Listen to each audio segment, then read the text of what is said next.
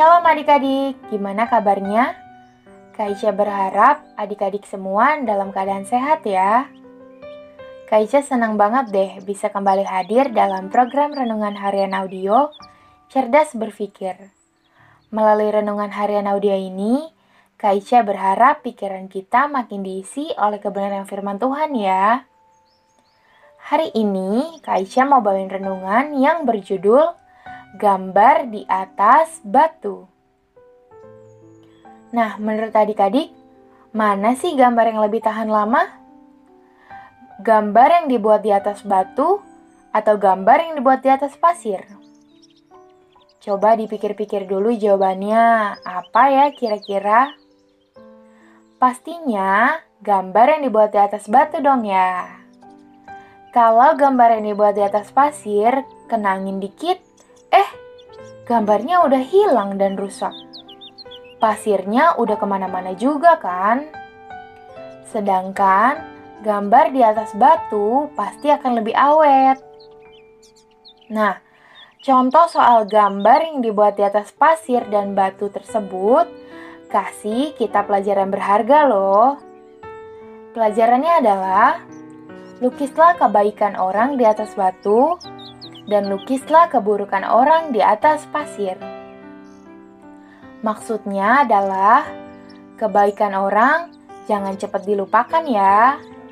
Dan kesalahan orang jangan disimpan lama-lama. Bukan kebalikannya ya. Sebenarnya semua pilihan ada di adik-adik. Mau lukis kebaikan orang di atas batu atau enggak, atau mau lukis keburukan orang di atas pasir atau enggak.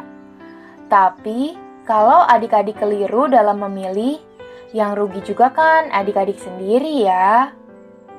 Kalau kita melukis kebaikan orang di atas pasir, kita jadi gampang loh ngelupain kebaikan orang ataupun pertolongan dan jasa orang lain itu kepada kita yang pastinya ya.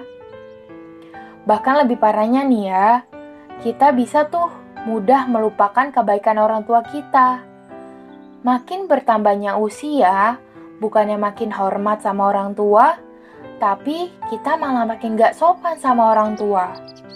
Siapa yang suka kayak gitu? Hayo. Yang kayak gitu gak akan pantas adik-adik. Lagi pula nih ya, kalau kita dengan gampang yang ngelupain kebaikan orang, kita bisa tuh membalas kebaikan orang dengan sikap yang gak baik. Nanti kalau udah gitu, nama Tuhan juga yang dipermalukan loh adik-adik.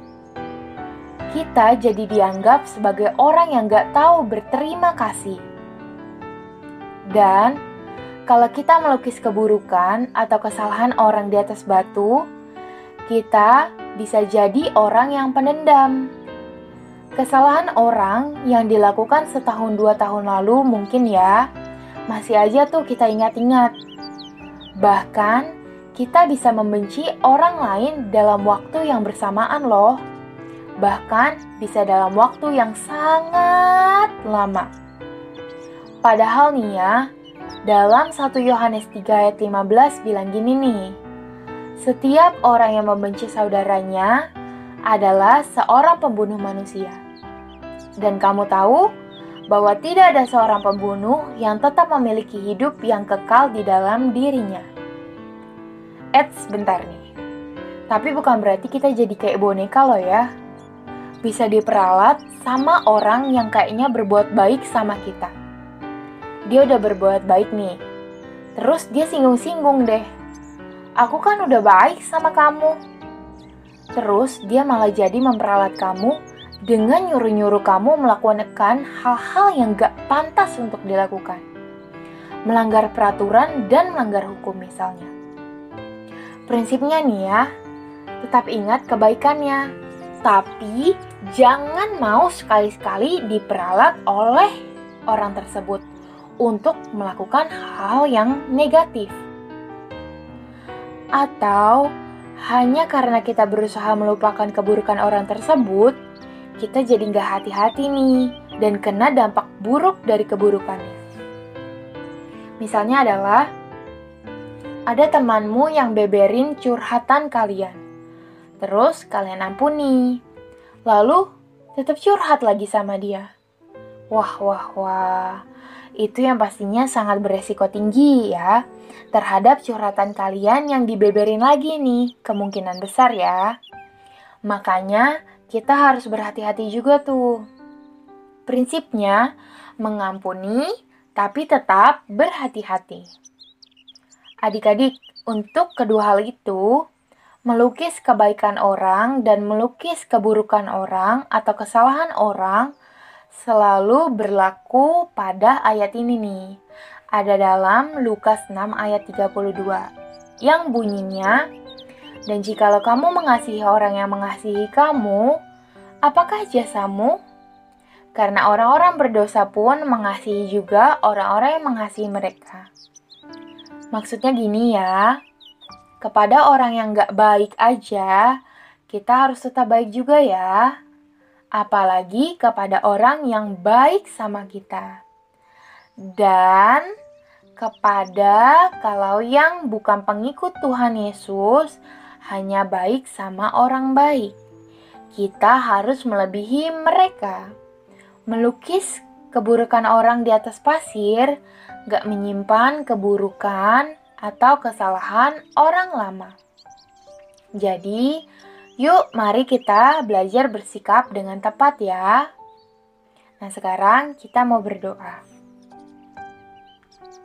Tuhan Yesus, kami mengucap syukur untuk apa pun yang Tuhan sudah berikan kepada kami setiap harinya.